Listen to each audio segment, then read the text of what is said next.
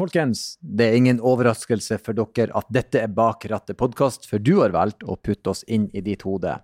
På dette livets landevei suser av gårde med minemaker Stein Pettersen, og det er ingen fare om vi skulle bli tatt i radarkontroll, for vi er et ekte radarpar. Oh, den er seig. Vi sitter jo i showrommet til Bertil Osten i Bjørvika, da, som vi pleier. Men får noen gjester, da, du. Å ja, dagens gjest vi har med oss, han er faktisk en utprega practical joker. Ja, det har jo gått utover mang en bilprodusent rundt omkring i Europa de siste årene. Han har faktisk også eid så mye som åtte biler. Jeg blir ikke så overraska over det, men eh, at han krasja åtte ganger de to første årene han hadde lappen, det er ganske drøyt. Til tross for at han hadde lært å ta en skikkelig breisladd av naboen allerede da han var tolv år. Han har også faktisk eh, tyvlånt, eller la oss være ærlige, stjålet biler opptil flere ganger med store konsekvenser. Dagens gjest er altså Tore Bendiksen. Han er artist, journalist og sønn av ingen andre enn Arne Bendiksen, mannen bak Blå ballong. Og han er en brennende bilentusiast. Fantastisk episode, fantastisk liv, fantastiske historier.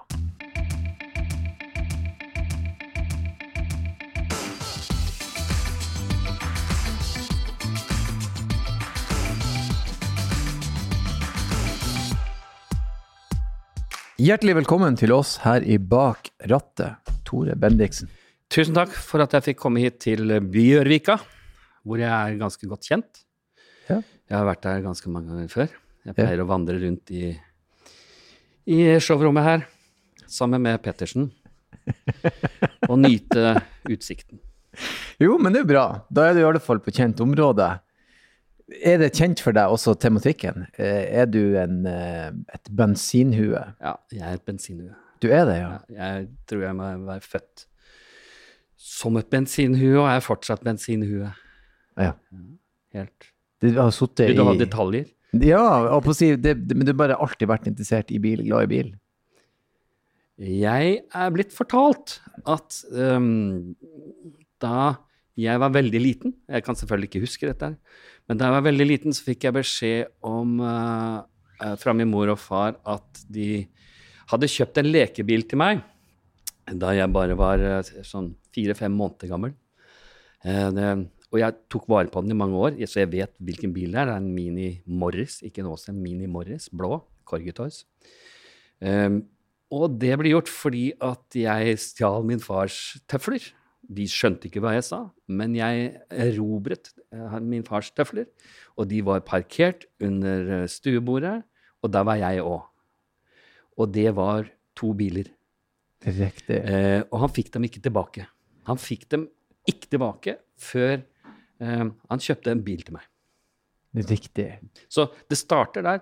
Nå tror jeg at dette med å være petrolhead er noe som Jeg vet ikke om du kanskje blir født med det på et vis. Kanskje. Det er forskjell på gutter og jenter. Eh, Dette med dukker og biler. Mm. Jeg vet ikke, men guttungen min har jeg ikke prøvd å påvirke til å være glad i biler. Han er superglad i biler. Mm. Så jeg- hvorfor, vet jeg ikke. Mm. Men jeg har vært sånn fra jeg var liten. Min, min mor var eh, ikke så begeistret da jeg ble sånn fire-femårsalderen og lå bak biler på parkeringsplasser for å lukte på eksos. ja, dette er sant. Og jeg kunne differensiere dem når de kjørte forbi. Var det Opel? Var det, var det folkevogn? Mm. og så videre. Og jeg kunne faktisk differensiere dette her. Men det hun var mest redd for, var ikke det at jeg skulle bli sånn blyforgiftet. Det var for den var redd for at bilen skulle rygge på meg. Selvfølgelig. Det høres verre ut enn at Og, og, og da må jeg bare si, den verste lukten jeg kunne tenke meg da jeg var liten, det var eh, lukten av en DKV. Og kan du tenke deg hvorfor? Jeg kan tenke meg at eh, Stein Pettersen der borte vet hvorfor. Jepp. Så totakteren lukter an annerledes. Å ja! Det er, helt, det er noe helt annet. Og V8 lukter på sin måte, og en Volvo Amazon øh, lukter på sin måte. Cortina lukter sånn dannet. Mm. Kommer du bort til en DKV eller eh, Auto Union, eh, så var det grusomt. Det var nesten verre enn diesel. Så ja, hvis du kaller meg en petrolhead, så ja, det startet ganske tidlig. Jeg hadde 100 biler, eh, lekebiler før jeg var seks-sju år. Mm. Eh, og jeg hatet Matchbox. Det skulle jeg ikke ha. Mm. Det er enten Corgi Toys eller Dinky Toys. Så var jeg ferdig med den saken. Disse små drittbilene skulle ikke jeg ha. Ja.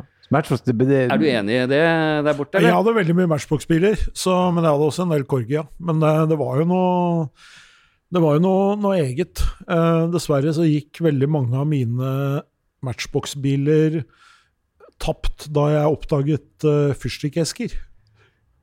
Eh, Så, så det ja. Ja, så det var en litt dårlig greie, egentlig. ja, ok. Jeg ser Det var mye sånn havoc Ja. med eksplosjoner og ting som gikk opp i flammer. Jeg ser det var kanskje ikke det du var ute etter? Nei, nei, nei, jeg var mer ute er etter f.eks. Toys hadde mer detaljer på bilene. Ja.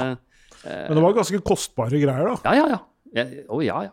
Men jeg, jeg sparte jeg, Hvis jeg hadde dubletter, Stein Hvis jeg hadde dubletter, f.eks. hadde to um, av en eller annen bil, en Oldsmobile f.eks., sånn, så knuste jeg den ene med, med hammer. Og For da kunne jeg krasje når jeg Ja, kjørte, lekte ja, med biler. ja. Og så kunne jeg late som det var på service, og så kunne jeg hente den ut helt ferdig igjen. Dette kjenner jeg meg dessverre godt igjen av. Det er ikke bra, vet du. For øvrig- Petrol, eh, petrolhead, ja. Jeg kjørte bil første gang bak rattet da jeg var seks år. Seks år gammel. Jeg nådde Ta- ikke ned til pedalene, men jeg styrte. Mm. Og deretter, eh, det var ikke veldig lang tid etter det, at jeg kjørte inn og ut av garasjen til eh, naboen. For øvrig Stein, i Opel selvfølgelig. Mm. Eh, moren min sto i vinduet og så at sønnen sin satt på fanget til han nabofyren, og han hadde latterkrampe, og jeg kjørte inn og ut av garasjen. Det var, det var ikke stor begeistring. Mm. Første Breisland, tolv år. Ja ja, for da moren min turte ikke å kjøre i bil der hvor vi skulle parkere bilen, så da måtte jeg gjøre det. Da måtte du legge opp, sette opp bilen til en liten sladd før du kjørte opp en liten oppoverbakke, og inn, og så rett inn i garasjen. Ja, ja. Jeg hadde kjørt bra. 50 000 km før jeg fikk lappen. Ja, men da, ja, opp, opp å si eh, eh, Den bilinteressen din siden du kom inntraff i så ung alder, li, ligger det i familien? Hva med Det- det- far din, mor din? hva? Hadde de den? Det har jeg tenkt over før jeg kom hit. Om. Faren min var en ganske bra sjåfør. Faktisk sånn gjennomsnittlig fin og veldig opptatt av at ting skulle gå unna. Mm. Um, han, eh, altså han åpnet med to PV-er og en Amazon. Den Amazonen fikk jeg oppleve og ha god, uh, godt kjennskap til. Og deretter til Buick, og deretter til Opel Manta, og så videre til en Jaguar Ferrari, og så deretter to Jaguarer og uh, og så videre. Så ja, han må ha vært bilopptatt. Mm. Og jeg tror ikke det bare var for utseendets skyld. Jeg tror han var genuint eh, bilopptatt.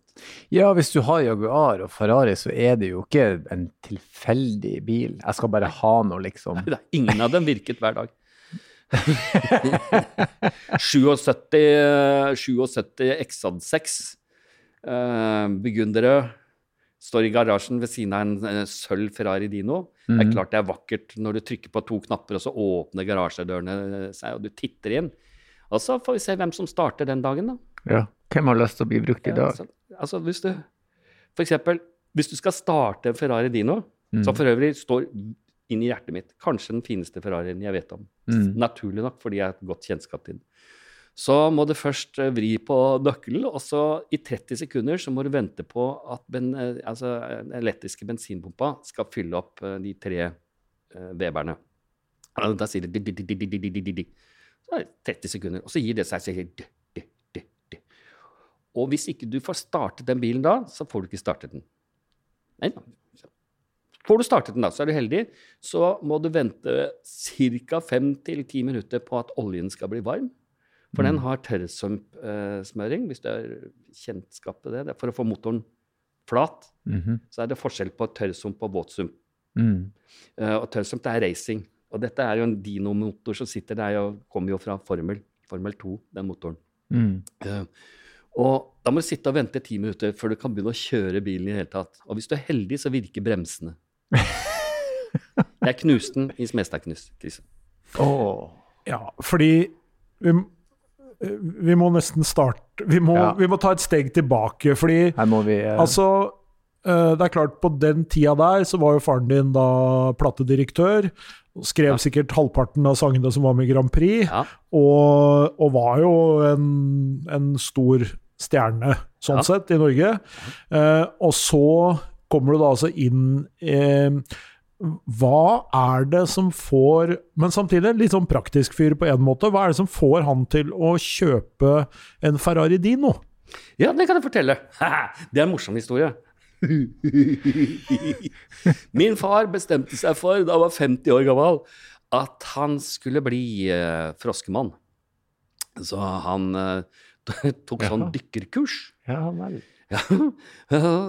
Det er, jeg mener det er litt seint å starte. I hvert fall 50, ja. Det, det, det, da bruker man å slutte med det, Ja, man, egentlig. ikke sant? Ja. Eh, Og så, så er han på dette her og driver og tar dette kurset sitt, og der kommer det en fyr som da har ved en tilfeldighet ikke skal på dykkerkurs, men skal møte han som eh, har dykkerkurs. Da er det litt sånn tørrtrening oppe på Smestad, det òg. Og eh, der står denne Ferrari Dinoen, da, for han kommer med det. Hagfors heter han. Fenomenal fyr. Eh, og som da ved en sånn inkurie sier til faren min eh, Du, jeg skal selge denne Ferrarien. Du har ikke lyst til å kjøpe den, du òg? Nei, sier faren min. Ja, ja, jo. jo, kanskje det. Hva skal du ha for den, da? 85 000. Ja, sier 85 000. Da kostet en Volvo 142 kostet ca. 120 000 eller sånn. Så det var en bra deal. Og da Jeg glemmer det aldri, for faren min ringte eh, hjem, og jeg var hjemme, også ved en inkurie. Og så sier han du, det står en sånn eh, Ferrari her, så er det en fyr som spør om jeg skal kjøpe den. Eh, og så sier jeg eh, jeg syns du skal kjøpe den, jeg, far.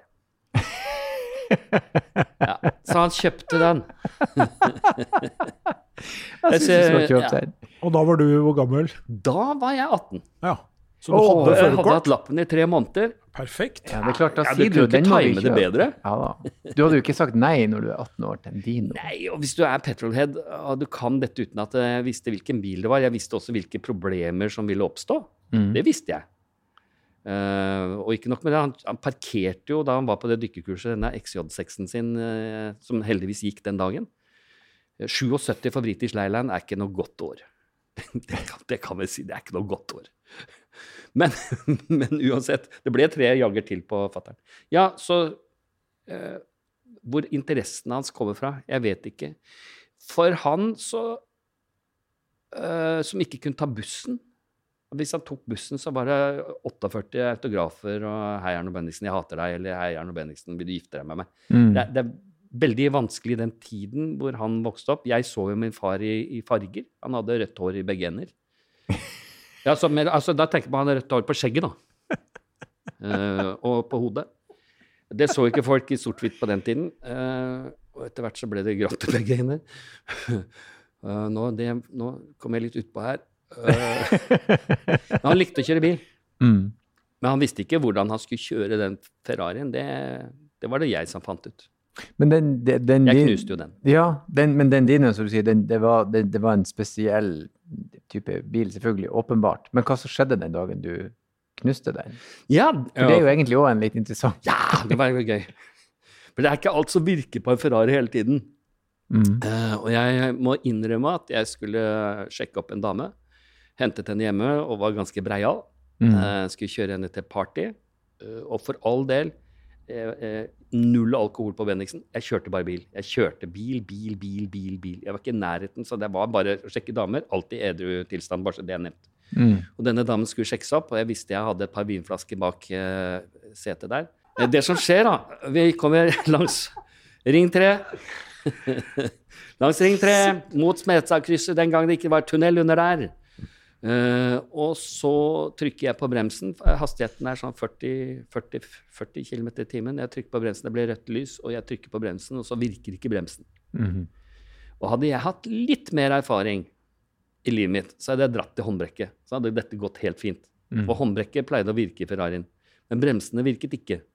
Så jeg kjørte under en eh, Toyota Corolla. Eh, Jeg glemmer det aldri, for det ser ganske spesielt ut å se en Toyota Corolla unnifra eh, gjennom frontruta på en bil, og veldig, veldig nært. Det er så nært at eksospottet er nesten det eneste som ikke har gått gjennom frontruta på bilen der jeg sitter med denne dama, som nok var litt sjokkert. Og så åpner han døren på denne Toyota Corollaen sin, og så eh, For jeg hadde løfta den gjennom hele dinoen med hengefestet hans. Ja. Og så skriker han høyt, jeg glemmer det aldri. Rygg unna bilen min! Eh, Så jeg gjorde jo det. Jeg rygget jo hele den der jævla dritten gjennom panseret en gang til og ut uh, av fronten. Og han hadde ikke én skamme på bilen. Hallai. Og Dinoen var litt forkrøplet. Det som er interessant da, det er at min far var på tur i, sammen med moren min i USA. Han skulle heldigvis være borte 14 dager til. Jeg hadde jo stjålet bilen. Ja. Ja. Det var ikke helt sånn at jeg bare kunne ta den når det passa meg. Nei. Selv om jeg gjorde jo det. Og, og det var litt ubehagelig da ringe til han og si at jeg har hatt et lite uhell. Mm. Men der er han sjef. Der sier han ja, ok, har du det bra? Har det gått bra med deg? Bil er bare blikk. Mm. Og siden det så har jeg bare husket bil er bare blikk. Det er ikke Mm. farlig. Det er mennesket som er viktig. Uansett, da. Fortelle det òg, for det er også en artig historie. Eh, Det, eh, det var jo ingen som kunne reparere bilen i Norge. Eh, Det var ikke noe Ferrari-verksted, selvfølgelig, så du måtte bare finne ut eh, hvordan du skulle gjøre det. Og dette var forsikringsselskapet. Eh, hvis for øvrig sønnen til, eh, til han som da var eh, i forsikringsselskapet, er ansatt i Bertel og Steen fortsatt og jobber på lastebilsektoren. Så faren hans. Som da sier hva faen, hva er dette for noe? Dette har vi ikke noe peiling på. Dette får vi ikke orden på. Hva er, hva er greia her? Hva gjør vi? Og hvis du husker Flåklypa-bilen, Mhm. ja, den er uh, selvfølgelig uh, Ivo Caprino osv., men den er mekka frem av en som heter Martinuzzi. Martinuzzi var karosserimaker. Mhm. Så Ferrari den måtte på, til karosserimaker. Og han ba om å få tilsendt nytt panser, f.eks., for, eksempel, for det var jo skåret tvers igjennom. Og da det panseret kom, så var det bare en bit med, med stål. Og den måtte bankes. For alle Ferrariene på den tiden var håndlagde. Det, det var ikke én som var lik den andre. Så når du fikk nytt panser, kunne du ikke bestille nytt panser. Det måtte bankes og tilpasses helt. Og så smidde han hele den nye fronten på den bilen. Ha. Så du fikk rett og slett bare råemne tilsendt. Vær så god. Ja, vær så god. Så, Wow. ja. Så, det, så faren min var mindre begeistret da jeg selvfølgelig fant ut at jeg skulle se hvor mye burnout jeg kunne gjøre med den, og ødela kløtsjen. Det er en annen historie, ganske morsom historie, faktisk. Jeg må nevne den, for den er interessant. Eh, eh, fordi etter tre-fire ganger så, så funka jo ikke kløtsjen lenger. Men jeg fikk lagd jævlig bra spor, og grunnen til at jeg skulle gjøre det, var for at dekkene var slitt likevel. Så de skulle byttes. Så jeg ville bare slite dem ut. Ja, da tok jeg kløtsjen. Og eh, da var det sånn, da gikk vi til uh, Oslo, Oslo Jaguar Service, Henrik Hagen, og han ga et tilbud på ny kløtsj på over 30 000. Det er ganske mye i 1979. uh, og så, så jeg var litt fortvila, for da var fatteren min også på reise. Og jeg hadde stjålet den bilen en gang til. Og uh, så hadde jeg en god venn som er sånn Det er noen mennesker som har ti gullfingre, og som kan mekke. Uh, så vi sjekka ut det, dro ut det der hjulet og, og fikk komme til motorsittet på tvers i midten bak. Eh, og kom til kløtsjhuset, fikk dratt ut kløtsjen, fikk funnet ut hva det var for noe, ringte til eh, Christoffersen og Bekken. Veldig flinke eh, kløtsj- og bremsefolk. Og spurte du skjønner vi har sånn også delnummer slik og slik. Det er til en Ferrari Dino. Og så, så sier hun ja, til det, da må vi se, gitt. Det er Ferrari Dino Nei, det tror vi ikke. Så ringte de tilbake etter en halvtime og sa jo, den kløtsjen har vi! Det er fransk lastebilkløtsj, det. Så det er ikke noe problem. Ja, hva koster kløtsjplata og sånn, da? Så jeg tenkte 30 000, 30 000. Den skal vi ha 600 kroner for. Oh. Så han med gullfingrene bare monterte den rett inn, og så var det ny clutch. Én En til på Ferrarien. En til på Ferrarien. Til på Ja da, vi tar en til. Den ladet jo ikke særlig godt. Den hadde jævlig dårlige bremser, men den ladet jo desto dårligere. Eh, så eh, til slutt sluttet den å lade, og det var fordi at Fiat var involvert også. Fiat sin Dynamo. Og da hadde vi den til Fiat Gulbrandsen oppe på Ensjø. Uh, og de brukte en uke på å skifte dynamo i den bilen, for de måtte jekke ut motoren. Uh, jekke den ned for å komme til, for den sitter helt inntil veggen bak setene. Eh, en uke, og den gang kostet eh, over 12 000 kroner, og det er fortsatt mye i altså, 79-80. Og så var jeg tilfeldigvis på ferie nede i NIS, og jeg er ikke så innmari glad i sola. eh, mens kjæresten min var det. Så jeg tuslet opp, og så gikk jeg i bilbutikker. Og der var det Ferrari-butikk. Og så pratet jeg litt, og så fikk jeg komme inn på verkstedet, bare sånn litt sånn dustete, og så spør jeg Du, når det gjelder sånn derre kløtsj, bytte den Ja, dette er på engelsk. Uh, uh, ja uh, Hvor lang tid tar det? spurte jeg. Å bytte kløtsj på en Ferrari Dino? Nei, det, det tar nok 45 minutter. «Eh, ja, ja, gjør det det, ja? Ja, for det tar litt tid å skru ut forsetet. Forsetet, ja. Ja, for du må skru ut den veggen bak der, og det, vet, går bort et kvarter på det. Og der er det det lokket da, som du må skru opp for å komme rett inn på dynamoen. Ja, og hva koster dynamoen? Ah, Hva vil det ta for jobben, da? Nei, det blir ganske dyrt. Det er i hvert fall 1200-1300 franc. Tilsvarende norske kroner. Det bare viser har du peiling eller har du ikke peiling. Ja. Stor Hva slags bil skal du kjøpe? Altså, du, altså, det gjelder nesten den dag i dag. Mm. Du må vite hva det er du, du kjøper. Kjøper du en Ferrari på den tiden, så ber du om problemer. Mm. Ja, du kunne kjøpe Jaguar på den tiden, og så ville du også få problemer hele tiden. Så, så dere hadde problemer hele tiden, egentlig? Absolutt hele tiden. Ja. Bortsett fra den Operen jeg kjørte, som Mm. var en Manta, selvsagt. Selvfølgelig. Manta serie A. Selvfølgelig. SR 1900. 90 din. Men det var jo Jeg tenker sånn eh, Det må jo ha vært eh, ganske sånn Det var jo sikkert mange andre også i det området hvor du vokste opp, da, som hadde en del fine biler. Men uh, det, var ikke så, det var ikke mange Ferrarier, liksom. Men, men denne Men han var svak for litt sånn amerikansk også. Ja, min, ja, ja. Jeg vokste opp i Buick, Ja. og han avsluttet i Buick. Han hadde Buick til han døde. Mm. Uh, og, og for den saks skyld, Stein, hvis jeg sitter på ønskelista mi, så står jo en Buick eh, Riviera med en 65. Ja. Bill Mitchell som har designa den, men jeg skal ha den hvor lokkene går foran frontlyktene. Men denne Buicken, den hadde hva slags farge på interiøret? Lyseblått. Ja. Ah, interiøret! Ja. Nå går vi utafor her. Min far var jo selvfølgelig i platebransjen og sånn. Uh, og i dag så betaler du f.eks. en Lexus eller Porsche så betaler du liksom 200 000-300 000 for et bra anlegg i bilen. Den gangen, så hvis du hadde Ford Cortina, så hadde du ikke anlegg i bilen. Altså radio med en liten uh, sånn, høyttaler var jo nesten ekstrautstyr. Men fattern min i Buicken, han hadde åtte høyttalere. Han hadde singel-venylspiller. vinylspiller. Så hadde han åttesporsspiller. Så hadde han firesporsspiller. Uh, og så hadde han uh, radio. Elektrisk antenne bak, forresten.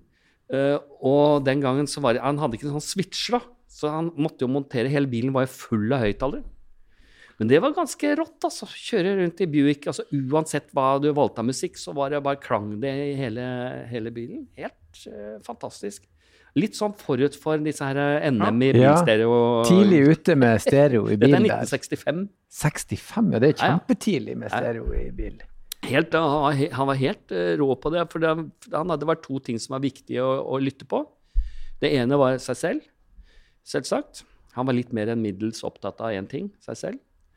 uh, og så var han middels opptatt av, ikke så mye opptatt av artistene sine, så han måtte lytte på det òg. Mm. Og er det klart, eh, da var det viktig å ha åttespors og firespors og singelspillere og radio. Mm. Uh, ja. Det høres jævlig kult ut. 65, det må jeg si. Pioner i sin er, det er tid. helt rått. Ja. Det var høyttaler over hele bilen. Vi har jo hatt flere artister her innom. Pluss en og- høyttaler til. Unnskyld. Den kom ut eksosrøret. Når du starta Mjuken, den V8-en Det var riktignok bare en spesialstein. Men når du ga gass, så spruta singelsteinene bak. Og den lukten av V8-eren. Der, der lå jeg mye og sniffet, altså.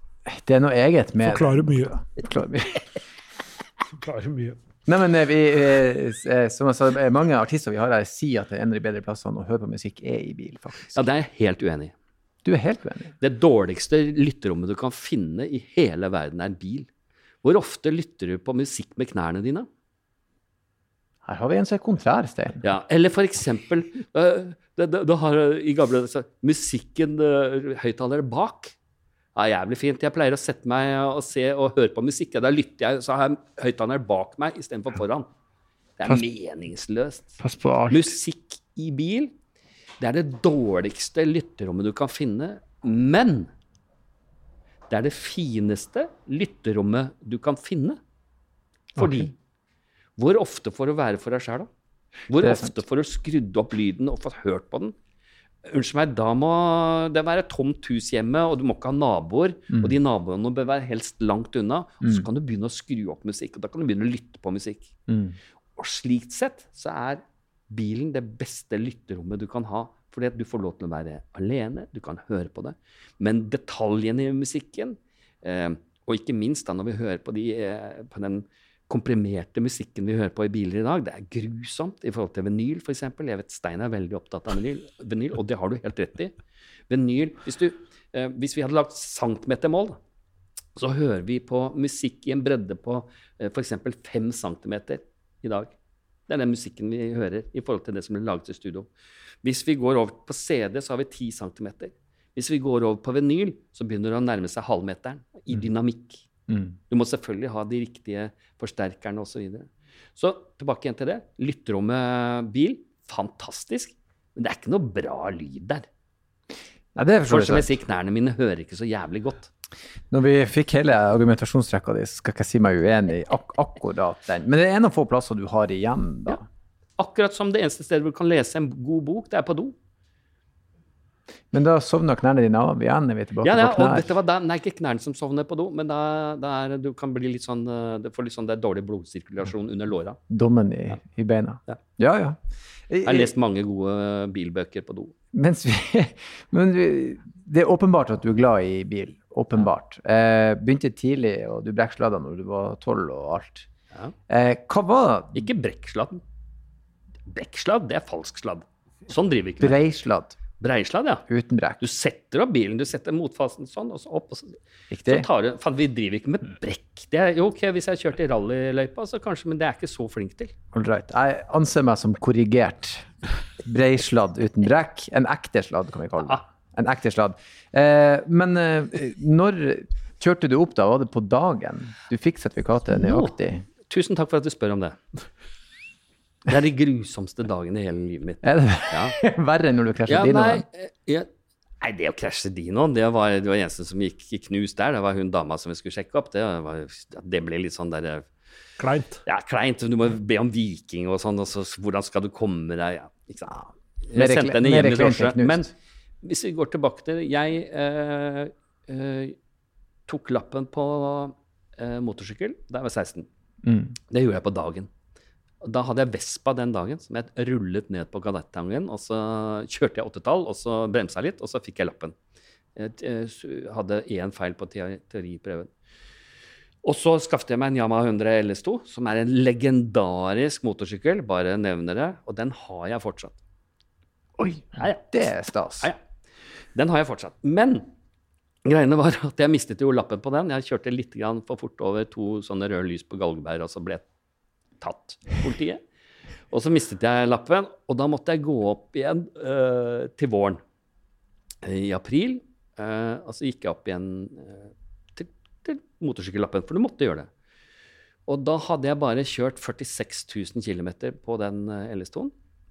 Ble tatt av politiet gjennom Lysaker for å ha kjørt litt for fort, for da var det 50 km gjennom Lysaker, og jeg hadde ikke mer enn 110, for det var litt nedoverbakke der. Uh, og så ble jeg stoppet, og så var de hyggelige. Det var den gangen de var hyggelige, og så sa de de gratulerte meg med ny motorsykkel. Mm. For jeg polerte eiker. Så Petronhead var jeg. Såpass. Ja, og de, så, var- sto det 46 000 km på den telleren, og så sier jeg gratulerer med ny motorsykkel. Ja, takk. Jeg var bare happy.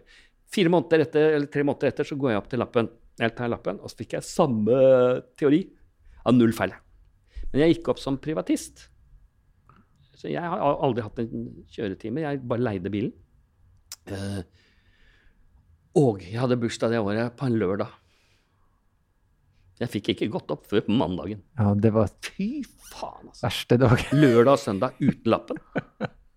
Jeg hadde motorsykkelen, da. Ja, Men det er grusomt. Så ja, for å si det sånn, eh, jeg var rimelig klar uh, litt jeg, var, ja, jeg hadde kjørt ganske mye også bil Mm. før det. Både med og uten Og, folk ved siden av meg. og bilen var klar til lappen ble tatt. Hadde du ordna deg med bil? Ja, ja. Det var Manta, det òg. Manta ben, ben. Blå B med vinyl eh, sorttak. Det var første, første bilen din? Nei, det, det var A-en. Det var en 1900 SR. Selvfølgelig. A-en Gul med svart strippelatside. Men den hadde du bare før du fikk førerkort. Nei, jeg hadde den faktisk til jeg eh, i eh, 1979-80 skaffet, fikk meg den første ordentlige bilen min, og det var en Saab 900 Turbo, sort tredørs. Det var rått i 1980, altså. Og så selvfølgelig to år senere over til Monza. Man måtte ha en Monza. Har man ikke hatt en Monza i sitt liv, så vet man ikke hva bil er. Og da snakker jeg ikke om Chevrolet Monza, altså. Da snakker vi Opel. Ja. Vi holder oss til de gode merkene. Her, er- her er du og Stein mer bevandret enn Ja, ja, ja. meg. Jeg tror aldri jeg har hørt om Monza. Men kupé har du alltid vært eh, fascinert av, med andre ord. Stein. Har jeg det? Eller er det tilfeldig at du har hatt Manta, Monza Nei, du, den gjennomgangen har jeg ikke hatt. Det har jeg Nei. ikke tenkt på. Jo, kanskje Nei. Jo, Så har du!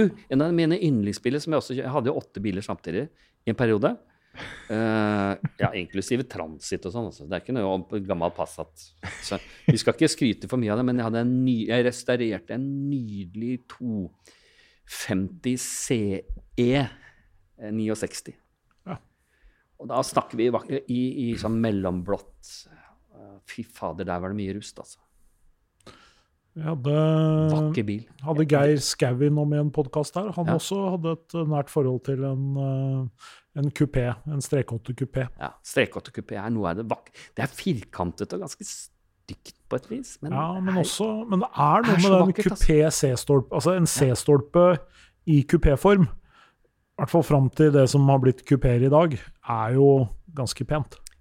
Pluss i dette tilfellet så er det jo ikke noe B-stolpe, for det ruller hele siden ned. Det er Altså, du må se det for å Du må se det for å forstå det. Må se det for å forstå det. Det er mottatt. Det grusomt. Det er sant. Ja, det er, det er en vakker bil. Det er et sånn, den, kan stå på, den kan stå på lista igjen, Stein. Men hva har du gjort ut av den bilinteressen, da, utover å eie en del biler? Dagens beste spørsmål kommer fra en som også er vaksinert. Fordi så heldig som det du og jeg har vært eh, gjennom livet, at vi har fått lov til å kjøre nesten alt som er, alt som byr seg, alt det flotteste. Jeg har kjørt Rolls og Bentley, jeg har kjørt Ferrarier og Lamborghinier og Maserater. Jeg har kjørt store og høye og små, og, og da blir du litt vaksinert. Mitt behov er ikke så stort uh, etter hvert. Og også, jeg har ikke hatt råd til uh, å kjøpe de bilene jeg har lyst til å kjøpe. Uh, men jeg har råd til å dyrke bilinteressen gjennom å være biljournalist. Og stadig vekk få lov til å kjøre de fineste bilene i hele verden. Bo på de flotteste stedene. Reise til de nydeligste. Sånn, livet som biljournalist er jo fantastisk. Det er kjempedårlig betalt, men det er veldig godt betalt i sjelen. Mm. Og, og på en måte litt sånn eh, Du er jo veldig det er, Ting er jo veldig tilrettelagt. Ja, helt. Uh, så, så det er jo interessant. Jeg har jo kjent Tore lenge, uh, som, det, som sikkert lytterne etter hvert skjønner gjennom podkasten. Og han har jo vært eh, Vi var jo journalister samtidig, og så nå har jeg jo da gått over på den andre sida av bordet, så nå har jeg med meg Tore på Tore Og Tore er jo en mann som liker practical jokes mm. i veldig stor grad. Og eh, jeg tror da kanskje det jeg har ledd aller mest av, det er da vi var på Veldig enkelt. Vi var på en eh, Volkswagen-introduksjon i Portugal. Kjørte Scirocco, eh, som jo er en ganske lav, liten Golf, egentlig. En litt flat Golf. Vakker bil. Veldig, ja, fin bil. Og så, og så kommer vi inn, og tyskere, som de er da i Volkswagen, de er jo veldig bra. Så når, uh, når vi kommer kjørende inn til eh, hotellet, så står jo tyskerne og vil gjerne høre hvordan turen har vært, og alt er bra. Så det siste Tore gjør før vi ruller inn foran hotellet, det er altså jekke setet så høyt opp som det går. Altså sånn helt, helt opp. Og så rette ryggen 100% sånn at han sitter da Litt vanskelig å se på podkast, men han sitter da liksom med hodet på skrå oppunder taket på bilen. Og dette er en veldig sånn lav, litt sånn sportslig bil. Og så kommer, eh, Og så kommer de tyskerne, de ser jo veldig rart på oss når vi kommer inn, og jeg prøver å se en annen vei. Eh, og så kommer vi inn, og så kjører Tore ned vinduet, og så klarer han liksom å tre hodet sitt ned så han ser ut liksom i høyde med taket ut på han tyskeren, så spør om turen har vært bra. Hvorpå Tore sier at uh, Car, very good. Seats, very high. og, og så går vi inn på hotellet. Så sånn er det å være biljournalist, stort sett.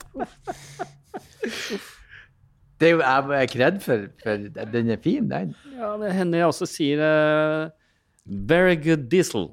Uh, no, it's not a diesel. Yes, it is a diesel.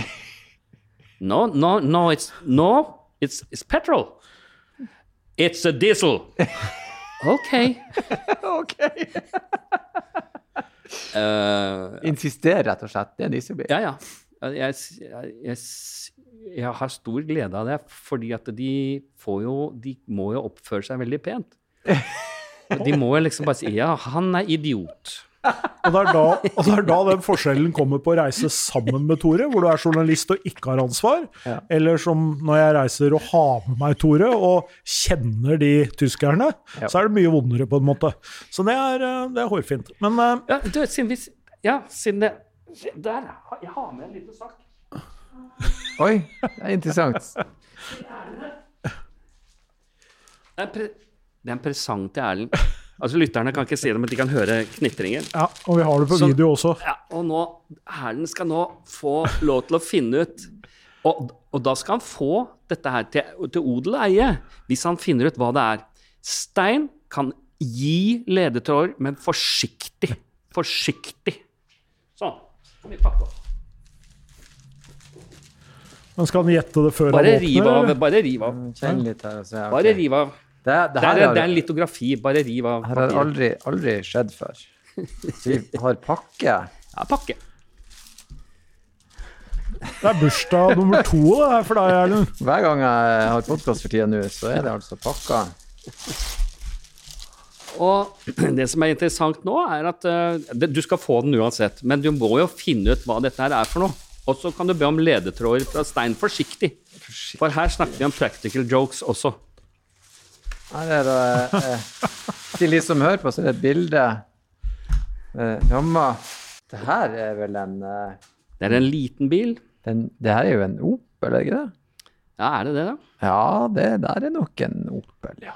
Ja, ok. Du får spørre Pettersen. 453 av 670. Ja, det er nummerert. Nummerert. Ja. Og så Ja, det, dette er en Opel. Ja, ja. Ja.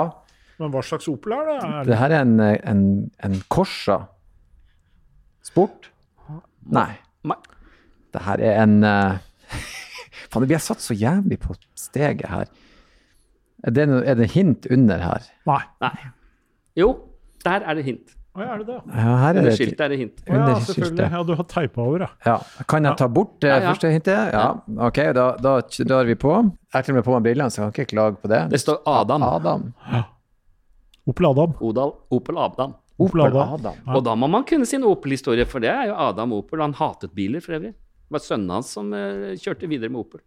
Men eh, det heter jo fortsatt da Opel og Adam Opel. Adam Opel. Adam Opel, det, var, det Det var The Founder. The, The Father. Yes. Og hata biler? Ja, Ja, ja, han var ikke var opptatt av sykler og symaskiner. Ja. Ja, men det var jo en veldig flott gave, da. Jeg må jo si det. Det er jo en eh, Ja, det må jeg si. Skjellsettende opplevelse. Jeg vil tro du kanskje har en sånn selv Ja. i kjelleren et Jeg har sted. det. Jeg har det, jeg har det i garasjen. Men, men som du ser, den er uåpnet. Ja, den er nydelig. Har dere ikke fått den på uh, Opel-lansering? Ja. Riktig. Riktig. Den tok du med hit i dag. Ja, til deg. Du, vet du hva? Her er helt nydelig. Den her den skal eh, enten kjerringa vil eller ei opp på veggen. Den skal, på Stakkars, veggen. eh, Den skal henge på det der jækla uh, palisander-plissé-greiene dine i stua. Det krever jeg, altså. Jeg vet at tiden går fort, men jeg har en gave til, uh, til Stein òg. Ja. Stein? Jeg er veldig spent, altså. Er det, er det til å spise eller drikke? Det er spørsmålet mitt. Stein, Stein og jeg har to lidenskaper. Vi har selvfølgelig biler, og så er det én ting til som teller i livet. Å, fy flate. Altså, dette kommer helt feil ut. Ja, dette kommer helt feil ut, men det har en god mening. eh, Kommer helt feil ut. Sjekk her, da. Ja da. Sjekk her, da. Ja, du må nesten Det er farlig å Må jeg åpne den. eller? Nei, du, jeg syns ikke du skal åpne. åpne syns ikke jeg skal gjøre det. Dette er jo verdens mest legendariske Formel 1-livery ever. Ever. Ever. Altså, du kan ha Gulf, er det jo mange som syns er veldig kult Ja, ja. på racerbiler. Dette er jo det beste fra det motorsport. Det er det. Når det var alkohol og røyk som finansierte motorsport. Yep. 100% Og jeg vet at du Og ikke røyker, og jeg vet at du ikke drikker engang. Nei, men, Men jeg klarte ikke å la være. Ja, Som en Formel er 1-entusiast. fantastisk. Ja. Den skal jo rett i hylla. Ja, Den må det. Tusen, tusen takk. Det bare koselig. Men nå ble dette et slags gaveshow. Vi kan ikke ha røyk stående der, for da blir vi stengt ned Nei, men, av eh, men Formel 1-interessen min har vært eh, fra, fra dag én. Hvis du snakker om Petrolhead, så hadde jeg eh, plakater på veggene. Jackie Stewart var en av mine store helter. Jim, Jim, Jim Clark eller er den største, mener jeg. Større enn Fangio, fordi han kunne kjøre så mange forskjellige typer biler. Um, vi har en enorm interesse i dag for Formel 1, og det gleder meg. Jeg er så glad for det, Stein. Det, det er hver eneste dag så syns jeg det er så flott at flere mennesker bryr seg om uh, den bilsporten. Den har virkelig vokst. Den er svær for meg. En, en Netflix gjorde jo en enorm, enorm jobb å promotere den med, med Drive to Survive, som var den serien. Ja, jeg, den- den jeg, jeg har ikke sett den engang, for at jeg, jeg tenker sånn så det er bare hyggelig at de har laget den. Mm. Eh, eh, jeg skal prøve å se den en dag. Eh, det interesserer meg ingenting, for jeg er så langt inne i sporten. Mm. Um, så jeg, jeg, Men det er hyggelig skal at det er flere som Kjefte litt på Pettersen for at han ikke skjønner at uh, Russell er den største for tiden. Men uh, ok, det får vi se i sesongen som kommer nå, Stein. Så du, har, du, du, Russell Russell er den største. du setter på. Russell. Du tror han er Ja, nei, det er ikke noe tvil om det. Du hørte det først her. du hørte det først her. Veldig spennende. Jeg, jeg er litt spent, for jeg, jeg har jo sittet på en del med Tore, men det har jo ikke alle. Mm. Eh, hvordan er du som bilist? Altså nå, hvis vi starter med kall det, Noen kaller det road rage, andre kaller det oppdragelse, andre bilister. Og ispedd en smule practical jokes, så kan jeg tenke på at det kan få utslag. Jeg vet ikke. Jeg er veldig glad for spørsmålet, fordi jeg har lyttet på de andre som har vært der. Og hvis jeg skal ranke meg selv som sjåfør, f.eks. Sånn fra én til ti, hva vil du si da? Jeg vil si så, kanskje bra midt på treet. Og grunnen til at jeg sier det, det er at hvordan skal vi vurdere en bra eller dårlig sjåfør? Hvem Altså, jeg hørte noen si åtte og ni og ti. Og da vil jeg si at når snøen faller Første gang jeg vet det er godt føre oppe på et drivhustårnet, så reiser jeg, det har jeg gjort så ofte jeg kan, opp, og så begynner jeg å trene på å kjøre på vinterføre for å få bort eh, vinterrusten fra året før. Mm.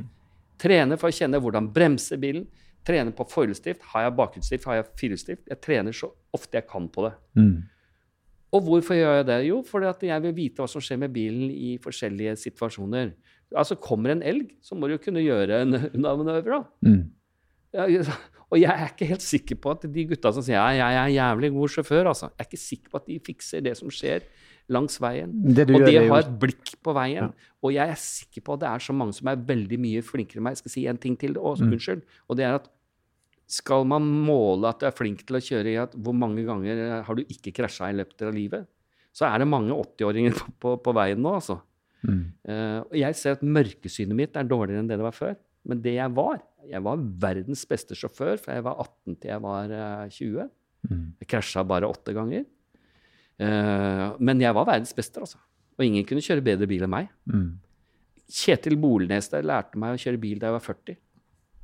Han lærte meg å finne ut hvordan jeg skal ro meg ut av situasjoner som kan skje i trafikkbildet, lese trafikkbildet osv. Mm.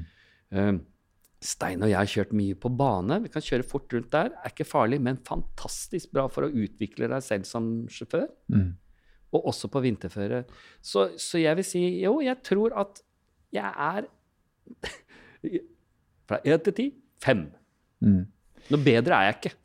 Men det er jo veldig sånn aksept for det når man kjører motorsykkel. Så er det veldig vanlig at man starter året med en sånn Ja. eh, rustløser. Og jeg sant? kjører jo motorsykkel. Du, ja, du gjør jo egentlig ikke det, men du skrur ganske mye motorsykkel. For hver gang jeg ringer til Tore, så er han i garasjen eller i et eller annet verksted oppe på Bjerke og skrur på den motorsykkelen, og det går aldri. Nei, Jeg gjør ikke det. Nei. Å, jeg fikk, jeg fikk den ferdig i høst. Oh. De sier om Jaguar at um, hvis det ikke drypper olje under en Jaguar, så er det fordi det er tomt for olje. og sånn var Honda og Jeg har en Honda eh, en CB 754 fra 75 som jeg har restaurert helt fra bunnen. Og jeg har skrudd hver skrue selv. Og det var kanskje ikke det lureste, at jeg gjorde det. For når den var helt ferdig, og det funket som bare rakkeren, så parkerte den, så lakk det mer olje enn det den gjorde før jeg begynte med restaureringen. Så ja, Stein, den, den skal opp på Bjerke, og den skal opp på Bjerke i dag. Bra. For sønnen min er her, vi skal ha han på henger senere i dag. Det, det er herlig forfriskende selvinnsikt både på bilkjøring i femmer, og kanskje jeg ikke burde restaurert. Nei, Det er men, men dette med bilkjøring, bra. det mener jeg virkelig. Eh, Du kan godt kjøre et helt liv uten å ha vært ut for en ulykke, men har du noen gang vært utsatt Mm. for en situasjon hvor du må, må løse situasjonen? Det du sier der er nøkkel, og det at man, at man kjenner på bremsene. Når det blir vinter, nå har jeg kjørt en hel jeg å si, vår og sommer, høsten er gått, det er blitt vinter. Det å kjenne på bremsene burde egentlig alle gjøre det lurt. Og svinge på snøen og gjøre seg vant med det. Eh, så det, det er nesten sånn, Vi har vel snakket om det før, at det hadde ikke vært dumt å ha obligatorisk kanskje tredje-fjerde år glattkjøringsbane. Så folk kan få lov å kjenne på det. Så du sier dere kjører på bane som journalister, får kjenne hva gjør jeg i situasjoner, og, og utvide rett og slett kompetansen. Hele mitt liv, når snø kommer, så reiser jeg til et hemmelig sted på Tryvannstårnet. For det er en stor, fin parkeringsplass. Nå har de laget dessverre sånn at det ikke er så lett å, De har laget sånne sperringer der, så det er ikke så lett for meg å trene der på det hemmelige stedet lenger. Men uh, det anbefaler alle å gjøre. Kjenne Mm. på det. Og kunne mestre en sladd. Det Mm. er så enkelt. Kan du det? Hva Ja. gjør du når Kan den elgen kommer? Den, før eller Mm. siden så får du en ball og et lite barn etter det. Mm. Jeg synes det, altså Hvor god sjåfør er du? du? Det er de situasjonene du skal løse. Og for øvrig, du kan være veldig god sjåfør hvis du bor i, i Bergen eller du bor på, på, på Gjøvik, men hvis du kommer til Milano, så begynner du å kjenne på hva er egentlig trafikk. Mm. Paris, Place Plass de la Concorde i rushtida, det er en utfordring. Mm. Så jeg er forsiktig. Mm. si at, eh, ja, men jeg prøver å ta hensyn til medpassasjerer.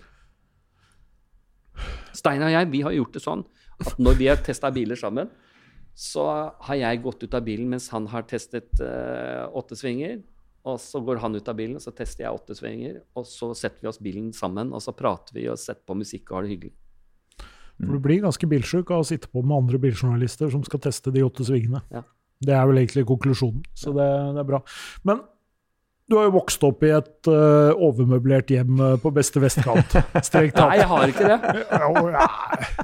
Nei, ja. Men, eh, men, men, men selv for deg, da. Hvis, eh, hvis du skulle råke til å, å levere inn en lottokupong, Ja.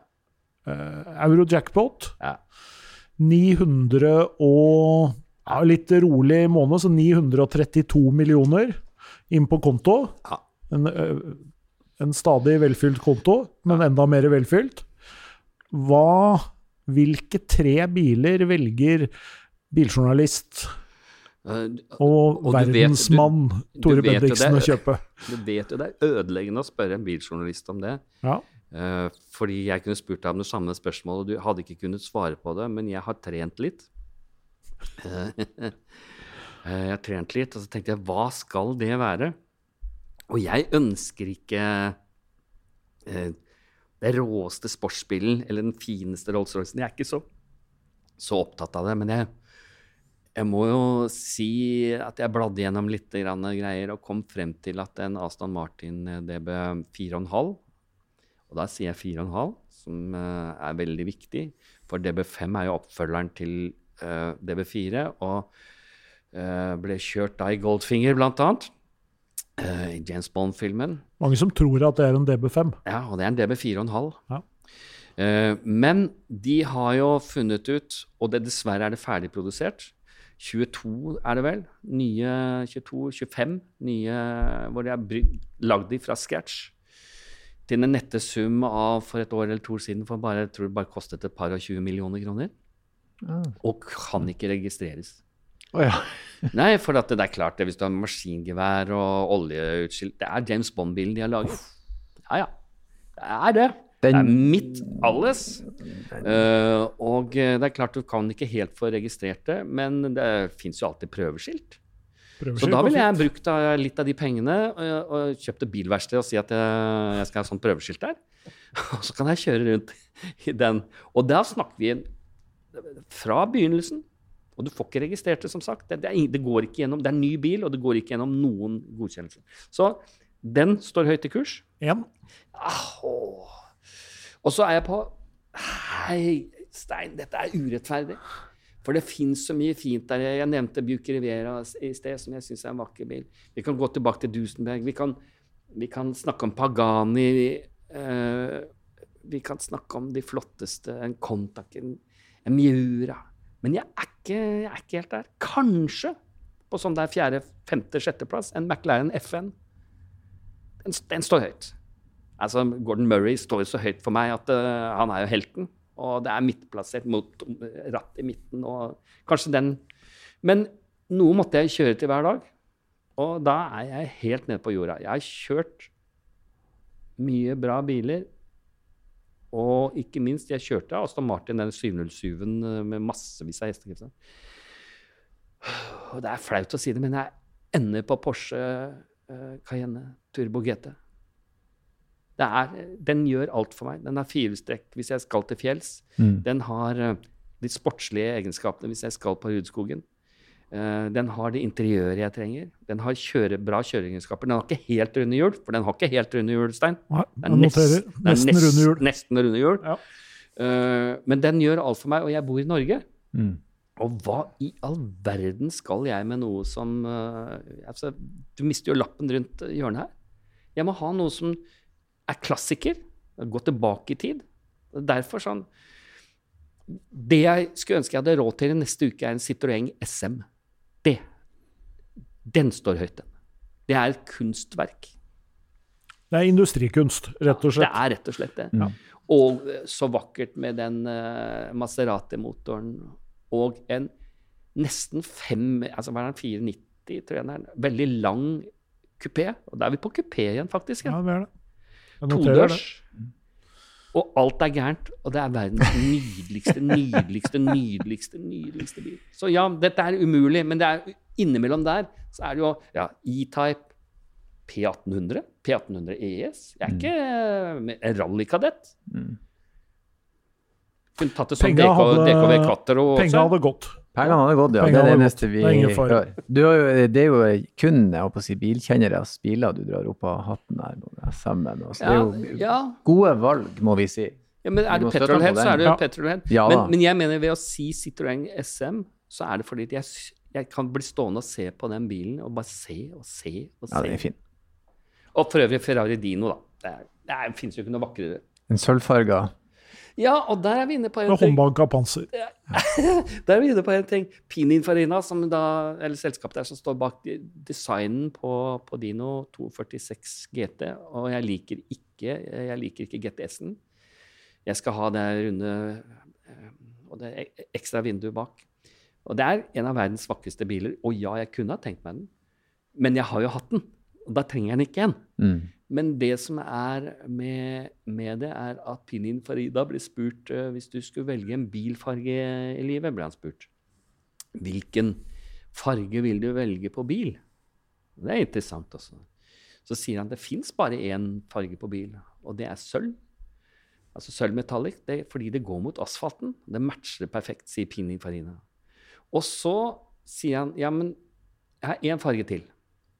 Og så er de spent, da, for alle Ferrari skal jo være røde. Fins jo Hæ, skal være gul. Sier Pininfarina. For øvrig eh, Gigiaro Giorgio Gigiaro, jeg klarer nesten ikke å si det engang, som har designa alt fra Golf til eh, Lotus Esprit osv. Han gjorde faceliften på Jaguar XJ6 serie 3. Og da ble han spurt hva han ville gjøre av forandringer på den bilen. Og da var svaret er De pervers, mann? Det ble en liten endring på baklyset og litt endring på grillen, så var jeg ferdig. Mm. En av verdens største bildesignere. Og det bare viser du, du tuller ikke med en Picasso. Altså. Du går ikke inn der og sier 'jeg skal lage en liten strek på den halen der'. Mm. Nei, du gjør ikke det. Da er du absolutt i den kategorien mennesker som kan anse en bil som et kunstverk. Ja. Og jeg kunne elska en 250 GTO i stua, jeg. Selvfølgelig. Men jeg skal ha LS2-en min stående der. Ja, det var sånn det var.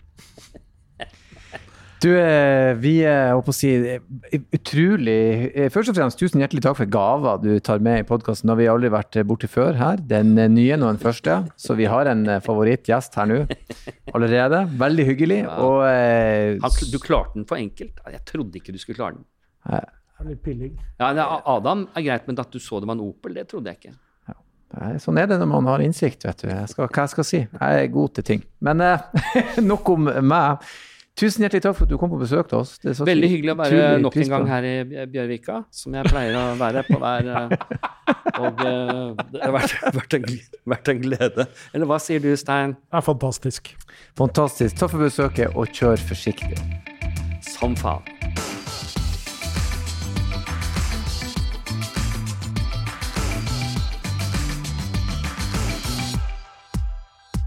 Hei, hei, hei, stopp!